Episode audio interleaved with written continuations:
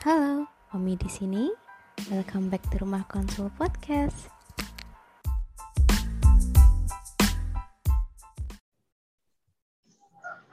Halo sahabat Omi di rumah, selamat datang di Rumah Konsul YouTube Podcast. Bersama saya, Bella, sebagai brand ambassador di Rumah Konsul. Dan partner saya hari ini ada Kak Resti. Boleh disapa sahabat Omi di rumah? Halo Kak Resti. Halo Bella, halo sahabat Omi. Apa kabarnya nih Kak Resti? Alhamdulillah baik Bel. Kamu sendiri gimana kabarnya?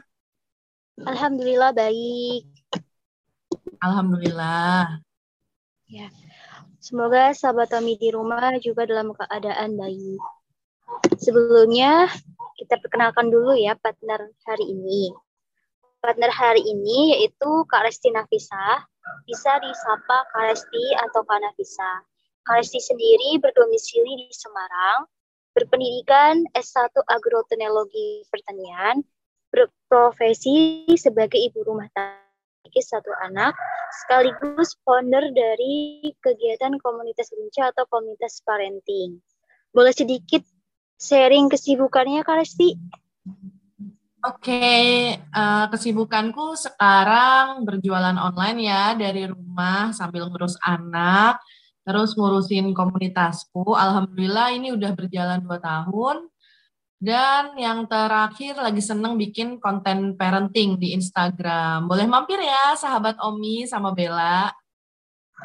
Oke, terima kasih Kak. Semoga usaha dan kegiatannya dipermudah dan mendapatkan keberkahan. Begitu juga dengan sahabat Omi di rumah, di mana pun berada, yang sedang dan akan berlangsung menjalankan usaha, kegiatan, ataupun aktivitas, semoga dipermudah dan mendapatkan kesuksesan. Oke, hari ini kita akan membahas sesuatu yang sangat perlu, sangat penting dan di, perlu diperhatikan lebih, khususnya bagi kaum wanita, yaitu pentingnya mengetahui gejala depresi pasca melahirkan. Untuk sahabat Omi, stay tune ya di Rumah Konsul Podcast. Pentingnya mengetahui pasca depresi melahirkan, yaitu khususnya untuk yang sudah menikah, semoga mendapatkan pengetahuan agar bisa memperbaiki dan menjadi ibu yang lebih baik lagi dari sebelumnya. Dan untuk yang belum menikah sebagai bekal untuk persiapan sebagai calon ibu karena menjadi ibu tidaklah mudah dan profesi yang membutuhkan ekstra kesabaran paling tinggi. Oke, kita lanjut ya. Hmm. kenapa sih kita harus mengetahui pentingnya gejala depresi pasca melahirkan itu? Oke, aku bantu jawab ya, Bel. Jadi menurut aku ini penting sekali karena di Indonesia ini sendiri belum terlalu peka ya. Rata-rata orang ini kalau ibunya lahiran yang fokus pada ke bayinya ya, bukan ke ibunya. Padahal ibu juga punya rasa, ibu juga punya stresnya sendiri gitu. Ya, pengalamanku sih begitu. Jadi ketika kita terlalu fokus sama bayi sampai mengabaikan si ibu, jangan kaget ketika kita lihat banyak berita ya, Bel. Di mana-mana tuh ibu bunuh bayinya, padahal anaknya nggak cuma satu, anaknya udah dua gitu ya. Tapi ternyata sulit ya, nggak mudah memang menjadi ibu. Dia harus ngurusin anak, terus ngurusin suami, ngurusin pekerjaan rumah kalau nggak ada pembantu. Jadi menurut aku itu penting banget. Ibu kan juga ber berhak bahagia, begitu Bel. Aku padahal baru anak satu ya, tapi ternyata aku dulu ngalamin juga nih. Boleh deh Kak sharing pengalaman dari Kak Resti, biar kita okay. lebih ya mengetahui gejala depresi pasca melahirkan.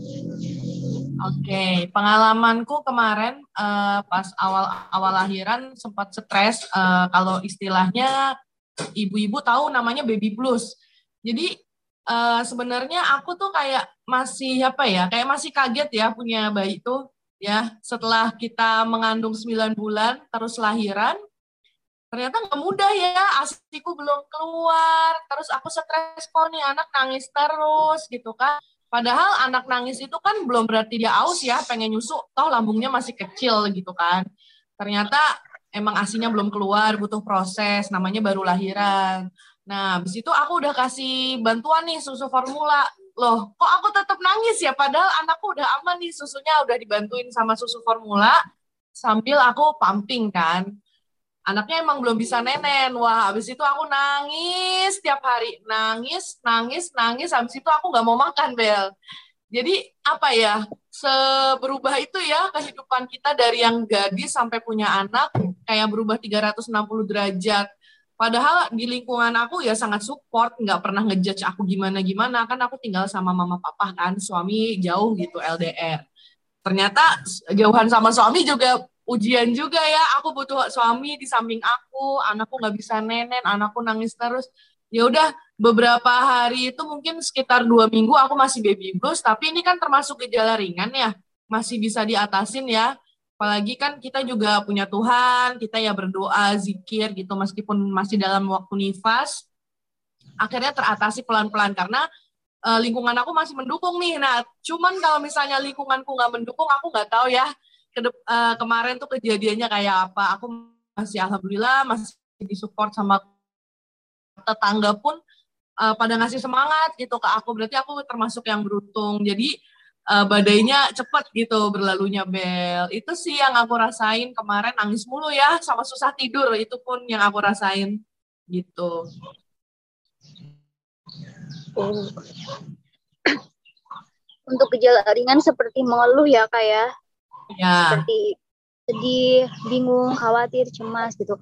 Ada gejala lain nggak sih kak yang perlu diperhatikan dan diwaspadai oleh kita semua khususnya kaum wanita untuk menghindari gejala depresi pasca melahirkan itu? Uh, jadi kalau misalnya aku bisa uh, jabarkan gitu ya, kalau gejala ringan nih, misalnya sahabat Omi pengen tahu, gejala ringan itu kayak susah tidur ya tadi, terus ngerasa ber sama anak gak bisa memberikan yang terbaik, terus bisa ngerasa bersalah karena gak bisa jadi ibu yang baik, anaknya nangis terus, Terus uh, kalau di efek kesehatannya itu kadang kita suka sakit perut, ya sakit otot, terus pusing kepalanya itu tuh sebenarnya udah ada gejala ringan ya kayak gitu. Terus nangis nggak berhenti, pengennya nangis aja. Terus kita kayak melakukan aktivitas sehari-hari itu kayak nggak semangat, kayak sedih mulu. Nah itu sebenarnya masih gejala ringan, alhamdulillah gitu ya. Cuman ada gejala berat. Gejala beratnya itu salah satunya ingin menyakiti diri sendiri sama ingin menyakiti si anak kita gitu. Itu paling parahnya adalah sampai ngebunuh itu tadi. Kalau aku lihat beritanya sih nggak cuma satu dua berita ya, banyak ternyata dari tahun ke tahun ibu depresi sampai bunuh bayinya tuh banyak. Ada yang dijatohin ke tangga atau gimana lah.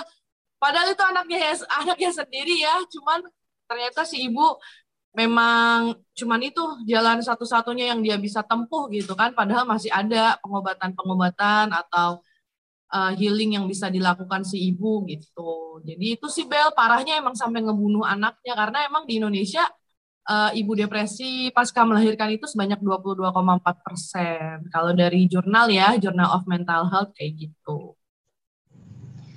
oke okay. menurut Resti bagaimana caranya biar kita tuh menghindari mewaspadai gejala depresi pas melahirkan itu? Ada tips-tipsnya nggak teh? Ya, uh, kalau aku sendiri kemarin mudah cerita ya sama orang terdekat, jadi jangan pernah menutup diri, jangan pernah menyalahkan diri sendiri. Apa pun yang kamu rasakan, orang perlu tahu juga gitu kan. Kalau misalnya suaminya jauh gitu kan LDR gitu misalnya bolehlah teleponan video call video call gitu kan. Misalnya 15 menit. Boleh nih minta bantuan profesional. Kalau aku sih selalu saranin ke psikolog ya. Kan kebetulan kalau di rumah konsulnya ada psikolog gitu kan bisa konseling kapan pun dan di mana pun apalagi sekarang udah bisa online gitu kan. Jadi nggak harus datang ke tempat kita bisa uh, konsultasi di mana pun di seluruh wilayah Indonesia gitu. Jadi kalau menurut aku emang butuh bantuan tenaga profesional silahkan aja. Karena kan kalau sama bantuan tenaga profesional emang beda juga ya ilmunya mereka udah expert gitu. Dibanding kita uh, berandai-andai atau mengada-ngada cerita sama siapa gitu kan ya udah sih paling saranku gitu jangan pernah malu untuk bercerita Nah, kan sahabat Tommy penting sekali kita mengetahui keluhan dalam diri pribadi. Apakah sudah berlebihan dan apakah kelebihan itu sudah merugikan orang lain yang kita cintai atau sekitar. Jangan ya jangan sampai ya sahabat Tommy. Sejatinya kita bisa mengendalikan perasaan, kegiatan secara pribadi agar mudah menjalankan aktivitas. Bagi yang sudah terlanjur dan merasa susah untuk memperbaiki, tak perlu khawatir nih. Kini ada konsultasi di rumah konsul. Banyak para ahli yang bisa memberikan nasihat, saran untuk memperbaiki diri, untuk bisa lebih maju. Dan tidak sembarangan orang kita bisa menempatkan kepercayaan pribadi ke orang lain ada satu motivasi nggak teh dari Kak untuk kita semua agar dapat menghindari gejala depresi pasca melahirkan itu? Monggo. Oke, paling motivasi dari aku pertama kita harus mencintai diri kita sendiri ya. Kebetulan habis webinar nih saya apa self love ya kemarin bareng rumah konsul itu penting banget sih. Sebelum kita mencintai orang lain, mencintai anak, kita harus cinta sama diri kita sendiri. Karena kalau misalnya kita udah cinta sama diri kita sendiri, menyayangi, kalau kita itu emang berharga, insya Allah kalau misalnya ada kesulitan menghadapi anak, menghadapi suami, menghadapi siapa pun, dimudahkan aja gitu proses proses uh, beradaptasinya. Kalau kalau ibu baru kan emang beradaptasinya anak nangis segala macam. Insya Allah uh, perasaan-perasaan itu ya nanti akan mereda dengan sendirinya gitu kan kita udah cinta sama Tuhan nih, Tuhan yang memberikan semuanya gitu kan, kita udah bersyukur, terus kita juga harus cinta sama diri kita sendiri. Intinya sih gitu, motivasinya tetap semangat, dan jangan pernah, ini ya, jangan pernah malu untuk bercerita, karena kalian juga berharga gitu. Itu aja sih paling dari aku, Bel. Oke, Kak Resti. Tak terasa ya Kak Resti sudah sampai ke pengunjung sesi hari ini. Iya. Terima kasih Resti atas waktu dan kesempatan yang telah diberikan untuk kita semua. Semoga sama-sama. kegiatan yang berlangsung dijalankan oleh keluarga Karesi berjalan dengan baik dan mudahkan. Untuk sahabat Omi sendiri, terima kasih telah mendengarkan Rumah Konsul Podcast hari ini. Semoga yang sedang menuju perjalanan, semoga yang di mana pun berada, tetap sehat dan semangat. Mungkin Amin. dari hari ini kita cukupkan ya Kalesti ya. Oke Bel. Makasih juga kasih. ya. Ya sama-sama Kalesti. Wassalamualaikum warahmatullahi wabarakatuh. Waalaikumsalam warahmatullahi wabarakatuh.